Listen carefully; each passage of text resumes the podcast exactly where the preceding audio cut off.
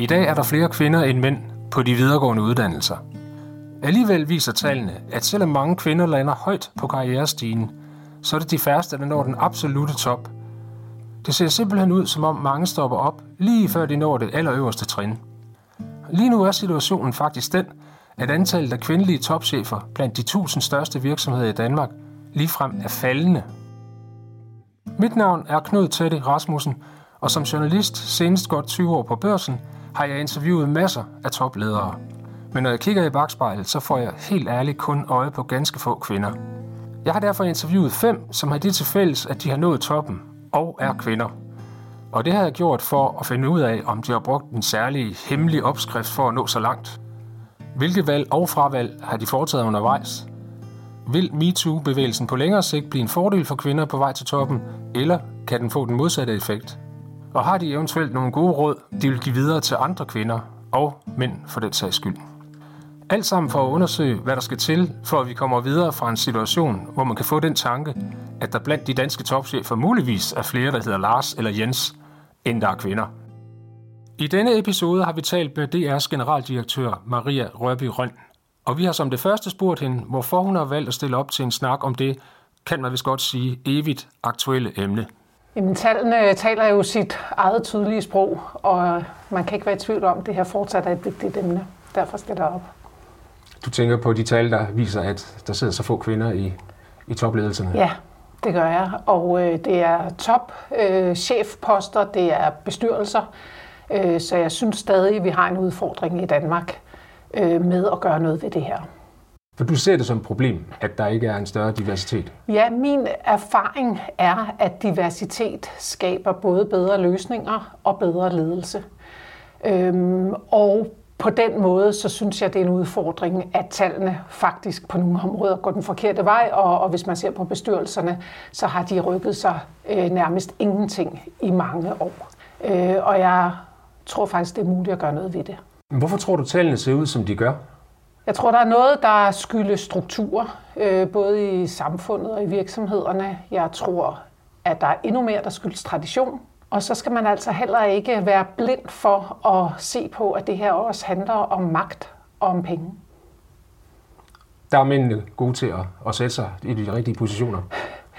Ja, altså øh, man kan jo lidt kynisk sige, at øh, øh, den del, der handler om økonomi og anseelse, at jo færre der er om budet, øh, jo bedre chancer har man sådan set for selv at komme til, og det kan jo føre til en øh, naturlig og mindre bevidst tendens til, at mænd måske øh, først og fremmest peger på andre mænd, når de rekrutterer. Øhm, men som sagt, så tror jeg også rigtig meget af tradition, at man gør, som man plejer.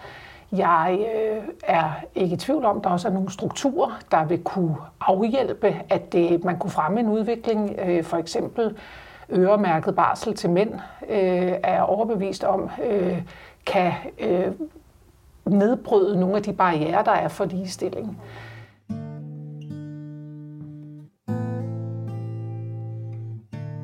Maria Rørby Røn er uddannet jurist, og bag sig har hun en lang karriere i det offentlige med ansættelse i både Justits- og Kulturministeriet. I dag er hun topchef for mere end 3.000 personer i DR, og hun er på listen over Danmarks mest indflydelsesrige personer i offentlige stillinger. Jeg vil da også gerne pege på, at min oplevelse er, at kvinder har utrolig høje forventninger til sig selv og hinanden. Øh, det har de på arbejde, det har de også uden for arbejdssfæren. Øh, øh, det kan være i forhold til børn, øh, skolegang, fritidsaktiviteter, hvad ved jeg. Og sagen er jo, at når der er høje forventninger over hele øh, paletten, og hvis man vælger at tage et topjob, så skal man også vælge noget fra. Og det er vigtigt, at man gør sig det bevidst, for man kan ikke være perfekt på alle, alle steder og hele tiden. Vi kan jo se, at øh, der er rigtig mange veluddannede kvinder, men det er som om, at de ligesom ikke tager det sidste skridt deroppe af. Er det fordi, at de ikke er sikre på, at de kan være perfekte, som du siger? Jamen, jeg tror noget skyldes, at øh, mændene, der sidder i toppen, rekrutterer mænd. Øh, altså det her med tradition, øh, og at man sådan set gør meget, som man plejer, og man måske ikke har øje for, øh, Øh, hvor meget diversitet rent faktisk kan betyde, øh, både for ledelsen, men også for øh, bundlinjen og resultaterne. Øh, men jeg tror også, at øh, kvinder nogle gange mangler det aller sidste mod, eller tænker, at hvis man nu sidder i en god chefstilling længere nede i systemet, at jeg har det jo egentlig meget godt, det er meget øh, spændende, og øh, den risiko, der er ved at kaste sig ud efter topjobbet med alt, hvad det indebærer, at den øh, mangler man måske lige det sidste nøg til at gå efter, fordi man også har svært ved at lave de fravalg, jeg lige talte om, at øh, man skal lave et fravalg, for man kan ikke det hele.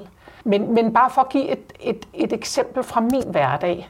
Øhm, for år tilbage, der havde vi problemer med, at P3 øh, primært blev lyttet af unge mænd. Øh, og det er et problem, når man har en public service opgave, hvor man skal være relevant for alle de unge, at øh, hovedtilbuddet til de unge så øh, faktisk kun, eller primært blev lyttet af, af unge mænd og ikke af unge kvinder. Og der kunne vi se, at ledelsen af P3, øh, redaktørerne på P3 og værterne på P3, det var mænd. Og ved at få ændret det øh, over noget tid, så var vi i stand til at fortælle langt flere historier, øh, formidle nyheder, øh, formidle musik på en måde, hvor de unge kvinder lige pludselig blev mere interesserede. De kunne spejle sig i det, der foregik i de historier, der blev fortalt, så vi faktisk også fik de unge kvinder med ombord. Og nu er det en public service opgave, hvor det handler om at være relevant for, for borgerne, og her den unge målgruppe, men det kan man jo overføre direkte også på en kommersiel virksomhed. Det handler jo også om at forstå sine kunder, og dermed være i stand til at udvikle sin virksomhed, så man er relevant bredest muligt. Ikke? Det vil sige, det er både et spørgsmål om indholdet, og så måske om værterne, eller? Ja, og ledelsen. Og ledelsen. Ja, for øhm, jeg tror, eller kvinder har andre perspektiver at byde øh, på. Øhm, kvinder er selvfølgelig enormt forskellige, ligesom mænd er enormt forskellige, men jeg tror helt generelt, så vil der være nogle andre perspektiver, en anden erfaring. Man ser måske nogle af livets forhold gennem en anden prisme, og dermed kan man i vores tilfælde fortælle historier eller formidle øh, nyheder, have kvindelige værter, der åbner op for nogle andre ting, og dermed tiltrækker de unge kvinder i forhold til, øh, at du kun har mænd på alle poster, der ser på tingene måske mere ensartet. Ikke? Har du erfaring for, at en direktion fungerer bedre, øh, når der både sidder mænd og kvinder, og i givet fald, hvad, hvad er det for en dynamik? Ja, og jeg har gennem mit arbejdsliv siddet i rigtig mange forer, hvor der primært var mænd. Og jeg er ikke i tvivl om, at øh, når man er både mænd og kvinder i et lokale, så opstår der en diversitet, der er gavnlig, og, og det er også min egen erfaring fra min egen direktion, der udover mig selv tæller to kvinder og to mænd, så vi er flere kvinder i, i deres direktion end mænd. Øh, jamen, øh, når jeg kigger ud i den samlede mediebranche i Danmark helt generelt, så må jeg jo sige, at der er ikke særlig mange kvindelige administrerende direktører eller ansvarshævende chefredaktører. Øhm, og jeg er ikke i tvivl om, at når man i hvert fald har en opgave med at servicere en hel befolkning med alt, hvad det indebærer, og alle de øh, forskelligheder, vi har, og man skal være i stand til at spejle borgerne og binde os sammen på kryds og tværs, så betyder det noget, at ledelsen har forskellige perspektiver. Og det gælder både mænd og kvinder. Det gælder også, at vi har forskellige baggrunde, forskellige uddannelser, kommer fra forskellige steder i landet. Så det har jeg også været optaget af, at diversiteten går på mange parametre. Ellers tror jeg ikke, vi er i stand til at løfte vores opgave over for hele befolkningen. Kan du sætte fingeren på et eller andet område, hvor kvinder kan noget, mænd ikke kan, eller kan bidrage med noget andet end mænd? Altså, i virkeligheden synes jeg, at det øh, spørgsmål er lidt problematisk, fordi det i sig selv viser øh, en bias over for kvinder. At det er ligesom om, at kvinderne skal øh, dokumentere eller retfærdiggøre, at man kan noget mere, end mændene kan. Sagen, Ej, det er jo mere noget andet, jeg fiskede efter. Ja, altså jeg tror, man har andre perspektiver, men, i, men, men sagen er jo, at, øh, at øh, vi i udgangspunktet er lige så godt uddannet og lige så begavet. Øh, og dermed bliver det jo skævt, hvis man ikke også er repræsenteret på topniveau med alt, hvad det indebærer af diversitet. Og jeg tror, at øh, man oplever livet forskellige vinkler, forskellige perspektiver, og det er utrolig vigtigt, når man i DR's tilfælde, der er vi fem mennesker, der har ansvaret øh, helt overordnet for hele DR, at vi netop er en, en, et fora, en gruppe til at være den øverste ledelse, der har de her forskellige perspektiver på det, og har en mangfoldighed. Øh, og det oplever jeg også, vi har øh, i praksis og til hverdag, fordi vi øh, har forskellige opfattelser, kommer med forskellige perspektiver. Det er jo lige nøjagtigt det, der gør en klogere og bedre, og kan løfte diskussionen, at man får det, og at det ikke bliver for øh, ensartet.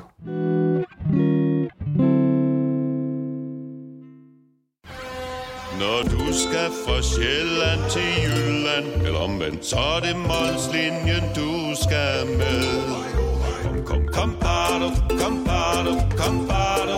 Få et velfortjent bil og spar 200 kilometer. Kør ombord på Molslinjen fra kun 249 kroner. Kom, bare du. Bauhaus får du nye tilbud hver uge. Så uanset om du skal renovere, reparere eller friske boligen op, har vi altid et godt tilbud. Og husk, vi matcher laveste pris hos konkurrerende byggemarkeder. Også discount byggemarkeder. Bauhaus. Altid meget mere at komme efter. Er du på udkig efter en ladeløsning til din elbil? Hos OK kan du lege en ladeboks fra kun 2.995 i oprettelse, inklusiv levering, montering og support. Og med OK's app kan du altid se prisen for din ladning og lade op, når strømmen er billigst. Bestil nu på OK.dk. Du vil bygge i Amerika? Ja, selvfølgelig vil jeg det. Reglerne gælder for alle. Også for en dansk pige, som er blevet glad for en tysk officer. Udbrændt til kunstner. Det er jo sådan, at de har tørt, han ser på mig. Jeg har altid set frem til min sommer. Gense alle dem, jeg kender. Badehotellet den sidste sæson. Stream nu på TV2 Play. Der er nogen, der mener, at øh, kvinder mangler rollemodeller. At du kunne jo selv være en af dem, kan man sige. Ikke? Men jeg tror du, det er rigtigt? Egentlig ser jeg ikke øh, det som en forskel, der handler om køn. Altså, jeg ser i virkeligheden, at nogle topchefer er meget synlige eksternt, nogle er meget synlige internt, nogle er dygtige til at danne relationer øh, ind øh, i politiske miljøer eller på tværs af brancher. Altså, at det er forskellige ting, man er, kan være dygtig til, som er med til at skabe en rollemodel. Nu øh, har jeg snart siddet 10 år på posten øh, som generaldirektør i DR, at det er med til at inspirere øh, og give andre kvinder modet på efter at gå efter top, topposterne. Så ser du dig selv som en rollemodel? Det håber jeg, at jeg er.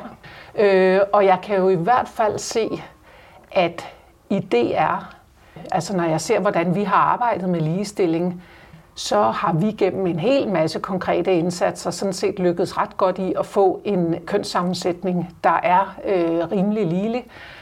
Jeg håber da også meget, at det betyder noget, at jeg har den her post, at øh, vi både har en øh, kvindelig mediedirektør og en kvindelig nyhedsdirektør, øh, så der er flere roller, man så at sige kan spejle sig i og se, at det kan sagtens lade sig gøre. Det håber jeg da. Er der tit nogen, der, der søger råd hos dig? Ja, det er der, og jeg har holdt mange oplæg om, øh, altså mødt øh, kvinder i forskellige fora og talt om de her ting. Øhm, og en af de øh, ting, jeg ynder at fortælle, det er, at da, da jeg blev valgt til det her job, så var det af en øh, bestyrelse, der enstemmigt pegede på mig.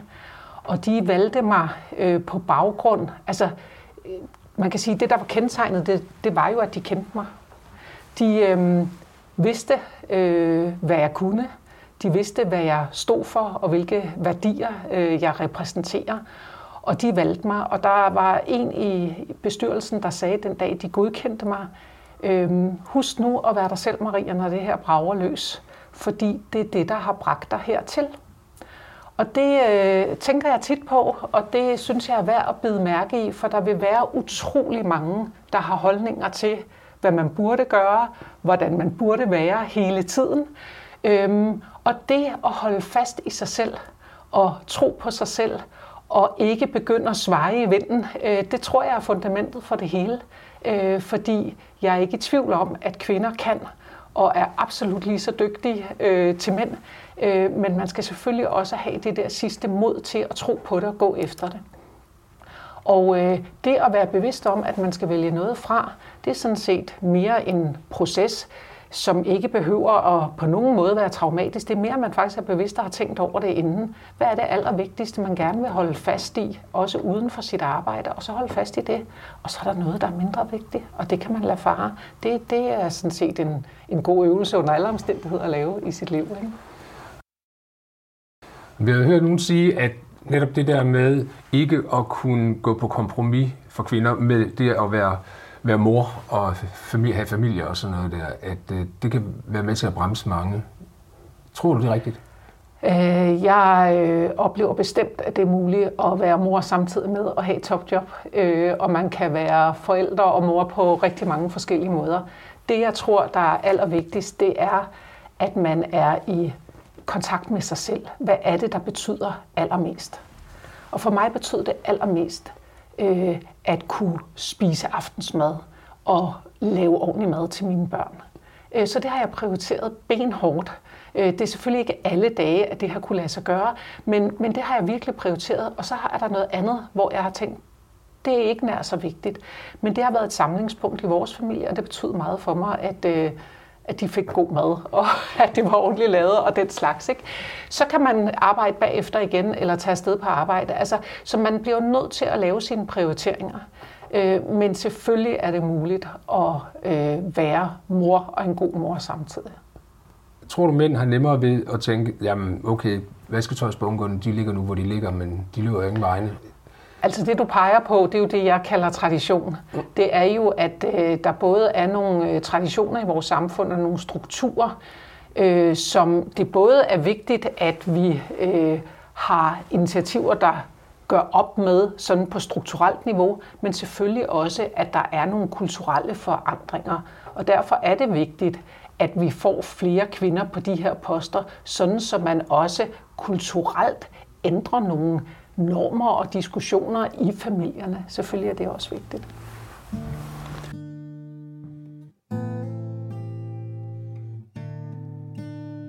I flere lande er der indført kvoter, som sikrer en mere ligelig fordeling af kønnene i bestyrelser og direktioner. Vi har spurgt Maria Rørby Røn, om hun ser det som vejen frem i Danmark.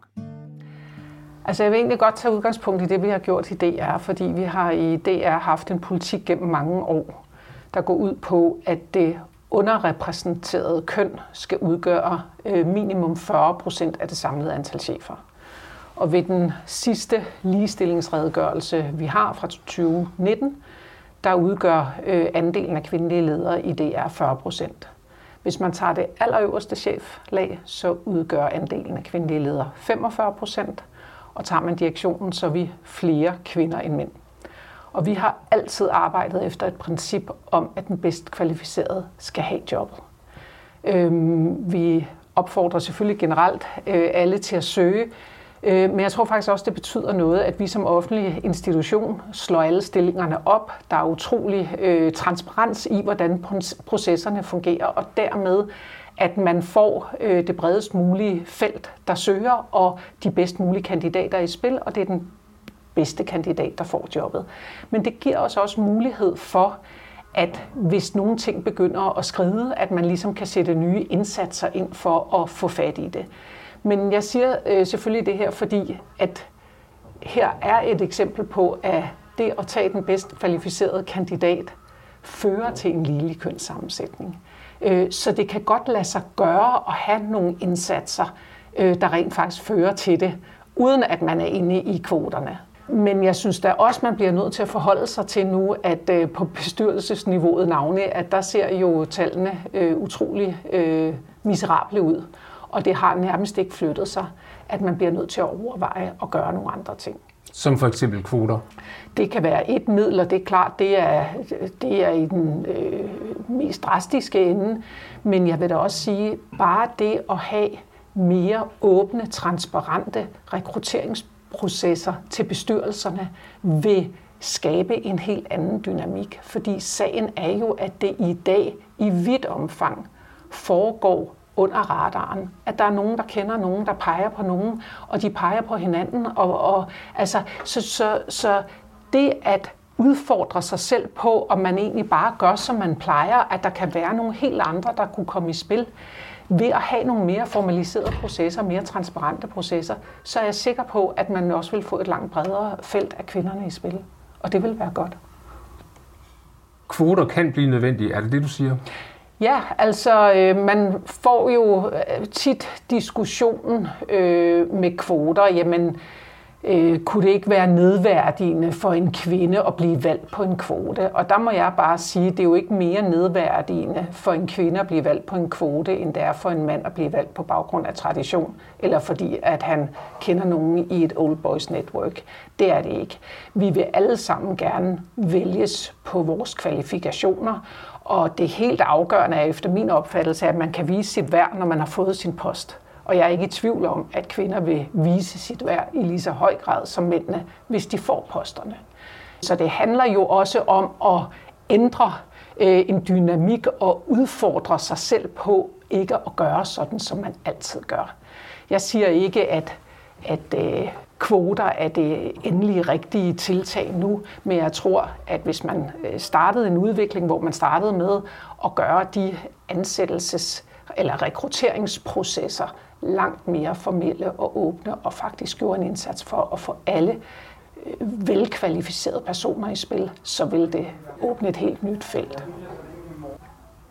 Hvad har overrasket dig mest på din egen vej til den position, du sidder i nu? Øhm, jeg er ikke, det er ikke så meget vejen der til, der har overrasket mig, men, men hvis jeg skal fremhæve en ting, der har overrasket mig i jobbet, så er det det ret øh, stereotype øh, billede, jeg er blevet mødt med af pressen. Øh, Hvordan ser det ud? Jamen, altså, som jeg lige fortalte, så, øh, så blev jeg jo valgt. Jeg er jo internt rekrutteret. Jeg var konstitueret i nogle måneder. Bestyrelsen kendte mig. Jeg blev valgt øh, i en fuldstændig formaliseret proces øh, på baggrund af det, jeg kunne. Øh, at de vidste, øh, hvad jeg kunne og hvad jeg stod for. Og alligevel er der en tendens til, at det i pressen nogle gange bliver historien om, at man ligesom har taget en ekstra chance, når man har valgt en kvinde. Hvilket jo er noget pjat. Jeg synes også, at jeg er blevet mødt øh, med, at mit udseende, øh, jeg er meget høj, er blevet omtalt i sammenhængen og på en måde, som jeg aldrig ser mandlige øh, topchefer blive omtalt. Det er meget sjældent, man ser en mandlig topchef, hvor man kommenterer, at han er ekstremt lille. Øh, det kan du formentlig heller ikke huske nogensinde har set. Men, men hvis du kigger tilbage gennem årene, hvor mange der har kommenteret mit udseende, når jeg skulle give et eller andet interview. Altså, det er jo i sig selv med til at, at gøre en forskel og stigmatisere øh, på, på, på en eller anden subtil måde. Der var også en gang, jeg skulle give et øh, stort interview til et øh, dagblad. Øh, vi havde lige ansat en øh, kvindelig direktør, øh, og i DR's direktion på det tidspunkt var der allerede en øh, kvinde mere end mænd, og nu øh, havde vi så rekrutteret en kvinde mere. Og der spurgte den her journalist mig, om jeg egentlig bare havde gang i et feministisk projekt. Og det, øh, det siger noget for mig om, hvor ekstremt fordomsfuldt øh, det i virkeligheden kan være. Altså, jeg, jeg kender ikke tallene, men jeg kan ikke forestille mig, at det er mange procent af direktioner i store virksomheder i Danmark, der har øh, en overvægt af kvindelige direktører. Det var så sindsoprivende for ham, at det overhovedet foregik, at, at jeg faktisk tænkte, øh, da han gik ud, at øh, hvis kvoter ikke er kommet før, så vil det skulle være mænd, der foreslår kvoterne den dag, der er overvægt af kvinder på topposterne. Øhm, fordi at det, det var så øh, sindsoprivende vildt for ham, at, øh, at der nu kom endnu en kvinde ind i deres direktion. Ikke? Nu vil jeg ved fordommene. Har du nogensinde øh, fornemmet, at øh, nogle mænd havde svært ved at arbejde øh, under dig som kvindelig chef? Nej, det har jeg ikke. Øh, men det er et spørgsmål, øh, du heller aldrig vil stille til en mand. Nu ved jeg godt, at vi sidder og diskuterer kvinder i ledelse, men det er et eksempel på et spørgsmål, man aldrig nogensinde vil stille til en, en mand. Øh, og jeg har også tænkt over, at øh, tit så bliver det fremhævet, at kvinde, taler man om kvindelige ledere, men man taler aldrig om mandlige ledere. De er bare ledere. Øh, og på et eller andet tidspunkt skal vi også nå derhen, hvor jeg er bare en leder og ikke en kvindelig leder. Øh, så, så der er noget i vores øh, brug af ordene også, som jeg tror er vigtigt, at vi tænker over alle sammen. Har du selv på noget tidspunkt oplevet sexisme, altså når det gælder løn, forfremmelser eller noget i den retning? Nej, det har jeg ikke. Øhm, men man kan ikke komme udenom, at der er talt og skrevet øh, utrolig meget om, hvad jeg tjener. Og øh, det er på trods af, at min mandlige forgænger havde fuldstændig samme løn, og der blev i hvert fald aldrig talt om den. Og så har jeg sådan set været inde på det her med, at jeg mener, at der er en langt større tendens til, at kvindelige topchefers udseende bliver kommenteret, at det indgår i dækning på en måde, som man ikke ser med mænd. Øhm, og det synes jeg også, man skal være så bevidst. Hvis du fik helt frihænder til at, at ændre på den skævhed, vi kan se i statistikkerne, øh, vil du så gøre noget ved sagen, og i givet fald hvad? Øh, jamen som sagt, så må jeg sige, at den måde, vi i hvert fald i DR har arbejdet systematisk med at sikre en øh, ligelig kønssammensætning, samtidig med, at det har været efter et princip om, at den bedst kvalificerede skal have jobbet. Øh, det har virket. Øh, og jeg er slet ikke i tvivl om, at det også betyder noget, at øh, der er nogen på allerøverste niveau, der er kvinder, som gør, at andre kan spejle sig i af den mulighed. Og så tror jeg, det er vigtigt, at man bliver ved med at have øje for, at, øh, at diversiteten starter jo øh, ved valg af studie. Øh, den starter sådan set allerede, når børnene er små, kan man sige, i hvordan man opdrager sine børn. Og det er vigtigt, at vi som samfund tænker de her ting ind allerede meget tidligt. Jeg har øh, lige øh, afsluttet en otteårsperiode som medlem af bestyrelsen på IT-universitetet de sidste fire år som formand, og vi har haft et meget stærkt fokus på ligestilling. Og alle de konkrete indsatser, der er gjort gennem de her år, har nu resulteret i, at universitetet er i stand til at tiltrække langt flere kvindelige studerende til IT-områder, end man har været før. Og jeg er da ikke i tvivl om, at øh, det, at mange flere kvinder læser også tunge tekniske IT-fag, kommer til at betyde noget i den sidste ende, både for den digitale udvikling af vores samfund og for fremtidens ledelser. Og på den måde øh, er det jo enormt vigtigt, at man tænker det her ind tidligt. Det er jo hele vejen op øh, i fødekæden, kan man sige, at alle tiltag betyder noget.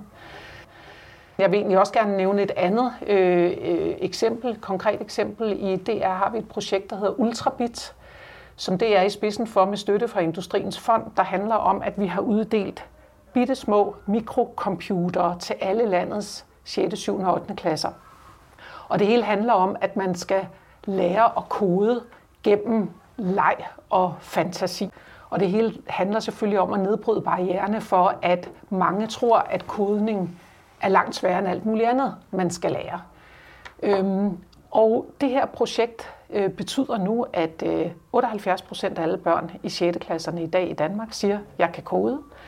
Men det, der har været, øh, synes jeg, den allerstørste gevinst, det er, hvis du ser på pigerne, så var det før 19 procent af pigerne, der overhovedet vidste, hvad kodning var, og sagde, det ved jeg noget om, og det kan jeg. I dag er det 76 procent af pigerne i de her årgange, der siger, jeg kan kode. Og det er jo sådan nogle tiltag, der også er med til at nedbryde de barriere, der ellers kan ligge i tradition, at man tror, at jeg er mest egnet til at gå en eller anden vej, men det, det kan man faktisk nedbryde og gå en helt anden vej, som betyder noget øh, resten af ens liv, og som betyder noget for vores samfundsudvikling.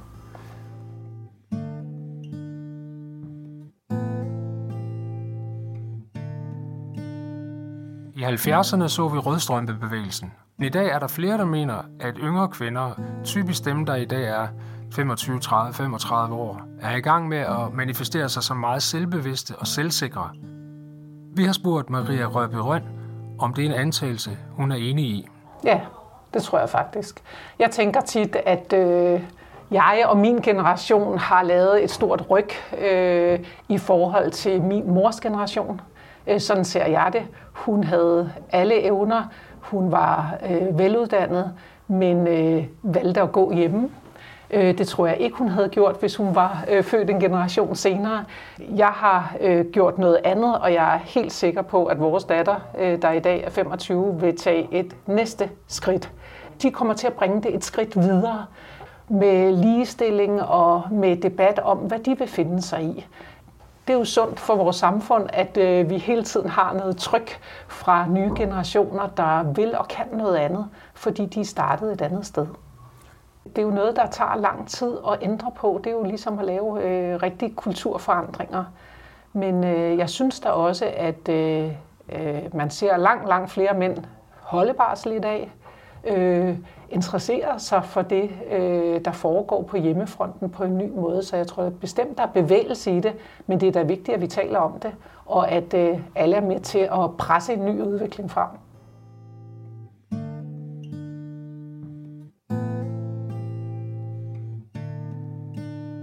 Og taler man om mere selvbevidste kvinder, der begynder at sætte grænser, så er det ret oplagt at spørge Røbe Rønt til MeToo-debatten. Jeg synes helt generelt, at øh, man skal fagne den debat, der er der. Øh, og jeg er ikke i tvivl om, at med alle de historier og alle de vidnesbyrd, der er kommet frem, så er der jo noget, der handler om en øh, krænkende adfærd, der finder sted, ikke mindst under radaren og i hverdagen, som også har med magt og manglende ligestilling at gøre. Og derfor øh, skal vi fagne den og gøre noget ved den. Det synes jeg er fuldstændig reelt. Der kan altid være slagsider, når øh, debatter bliver meget hæftige, øh, og øh, der er jo mange følelser også forbundet i det her, og selvfølgelig øh, der har været synspunkter om, at man også skal øh, huske retssikkerhed for nogen, der bliver krænket. Det er jeg fuldstændig enig i. Det skal man. Men, men jeg tror egentlig, at det er sundt for os alle sammen, at der øh, navnlig blandt yngre kvinder nu er nogen, der råber op om noget, som foregår, som på den ene eller den anden måde øh, har været en blind vinkel eller gået under radaren for, for nogle andre, der har været med i mange år. Og det kommer til at betyde noget, for jeg synes da, ligesom jeg synes, det er vigtigt, at man har lige muligheder, når vi nu sidder og taler topstillinger, øh, og at diversiteten øh, i den grad spiller en rolle, så mener jeg også, at ligeløn er vigtigt, og at øh, man arbejder for, at man er, får samme løn for samme type arbejde. og på den måde synes jeg heller ikke, vi kan leve med, at der er en generation, hvor der øh, halvdelen ikke ville føle sig trygge på arbejdspladser, fordi der foregår alt muligt, som ingen taler om. Det er da vigtigt, at vi tager den åbent. Øh, så har vi alle sammen et ansvar for, at der er en del af det her og en del af debatten, at også få ryddet op i tingene nogle gange, og ikke hælde alt ned i en gryde og kalde alt krænkelser. Der er også ting, der ikke nødvendigvis er krænkelser. Så, så vi, vi har alle sammen et ansvar for at bidrage til det. Men det, at selve, hvad skal jeg sige, oprøret kommer, det, det, det synes jeg er helt rigtigt. Det oprør, som vi ser nu, altså i forbindelse med MeToo og Sofie Linde og hvad, hvad der ellers har startet det, øh, at det måske godt kan betyde øh, noget også i forhold til kvinders vej op i i topjobs. Altså, de, de bliver mere selvbevidste og siger mere fra og bliver mm. måske stærkere, eller hvad man skal kalde mm. det. Mm. Tror du, det er rigtigt? Mm. Ja, det tror jeg måske, det er. Øhm, at det er jo øh, hele samfundet, der sætter fokus på også magtstrukturer. Og på den måde, ja, så tror jeg, at det kan inspirere og skabe mere mod til, at man øh, tør gå ud af sin comfort zone, gå efter sine ambitioner, gå efter topstillingerne, sige fra, hvis øh, tingene ikke foregår øh, på en ordentlig måde. Og det synes jeg er helt ret og rimeligt. Hvis du skulle sige noget til mændene derude, øh, hvad skulle det så være i relation til det her med skævheden, som ja. vi kendt, som ja. ser? Jamen, så vil jeg sige, øh, tænk nyt. Øh, udfordre jer selv, fordi øh, diversiteten er både inspirerende, men det er sådan set også en god forretning. Jeg tror, det vil være en øh, betyde noget for resultat, uanset hvilken type virksomhed man er. Jævnfør dit eksempel med, med P3. Ja. Hvis du så skulle sige noget til kvinderne, hvad skulle det så være? Tænk stort og tænk modigt. Jeg synes, at den pointe med at fatte det sidste mod til at gå efter øh, topjobsene også er vigtigt. For øhm, det kræver et ekstra mod. Man kaster sig ud i noget, man ikke nødvendigvis ved, nøjagtigt hvor er på forhånd. Og det kan føles øh, grænseoverskridende at slippe alle de øh, kendte øh, holdepunkter, man har. Men sagen er, at øh, er man nået dertil, hvor man overhovedet er i spil og bliver valgt, så er det jo fordi andre tror på, at man kan, og så kan man også. Så er det en selv, der skal slippe det sidste rest af kontrol og, og kaste sig ud i det. Og det, øh, det er vigtigt, at man, øh, at man gør det og er bevidst om, at det er det, man skal gøre.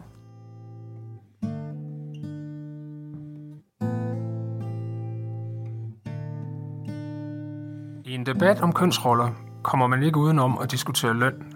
Og faktisk viser undersøgelser, at mænd den dag i dag har svært ved at acceptere det, hvis deres kone tjener mere, end de selv gør. Om den situation siger Maria Røby Røn. At det kan være i en periode af ens liv, at, at der er det den ene, øh, der tjener mest, og så er det den anden. Altså, at det jo også handler om at øh, give rum til hinanden og, og se det som et fælles projekt, kan man sige, og, og have flere karriere i spil. Ikke? Men i DR, der har de kvindelige chefer øh, gennemsnitligt 5,3 procent højere løn end mandlige chefer. Og hvis man korrigerer for direktionen, for det er selvfølgelig interessant, når vi nu er tre kvindelige direktører, hvis du tager dem ud, så er det stadig en højere gennemsnitsløn til de kvindelige chefer end til de mandlige. Det kunne være interessant at vide, hvor mange direktioner der var i Danmark med flest kvinder. Jeg har aldrig hørt om andre end DR's. Og det er også derfor, at jeg synes, at den historie med den journalist var så sindsoprivende for mig, fordi han var så farvet over det. Jeg har bare aldrig selv fundet ud af det, men jeg har alle de steder, jeg, øh, du ved, folk man kender osv., jeg, jeg kender ikke noget andet sted, hvor, der, hvor det er sådan. Og derfor synes jeg, at det der spørgsmål var endnu mere vildt, ikke?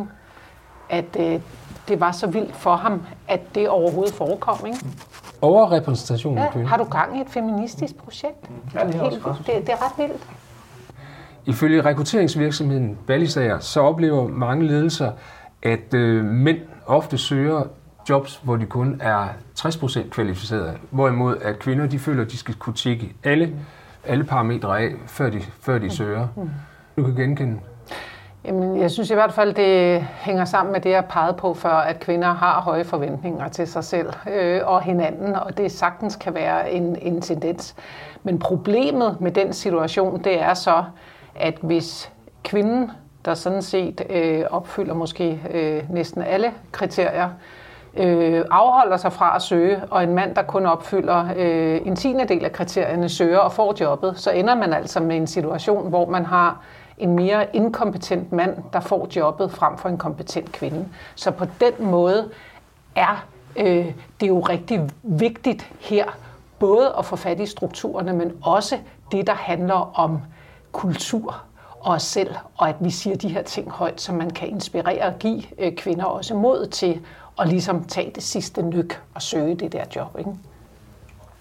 Der er jo nogle gange, hvor lige den sidste ting, man så mangler, rent faktisk er afgørende, og man ikke kan øh, Ja. bestride jobbet. Men der er jo også øh, masser af gange, hvor det ikke forholder sig sådan. Ikke? Altså, så, så nogle gange må man jo også øh, udfordre omgivelserne øh, på, at der faktisk er brug for noget andet, øh, nemlig at kunne lede en kæmpe virksomhed. Det kan godt være, at jeg ikke er vokset op med at kunne lave tv-nyheder, øh, men, men øh, jeg kan godt lede en stor virksomhed. Og, og på den måde må man også selv bringe nye perspektiver ind. Og så meldte jeg mig så på banen og sagde, at jeg kan noget andet. Ikke? og jeg fik jobbet. Du har lyttet til en episode i podcastserien Kvinden i tårnet. Konceptet er udviklet i samarbejde med John Robert Christensen, der selv har mere end 20 års ledelseserfaring som direktør i blandt andet Nokia, og senest som administrerende direktør i musik- og rettighedsorganisationen Gramex. Jeg selv er journalist og hedder Knud Teddy Rasmussen. Tak for, at du lyttede med.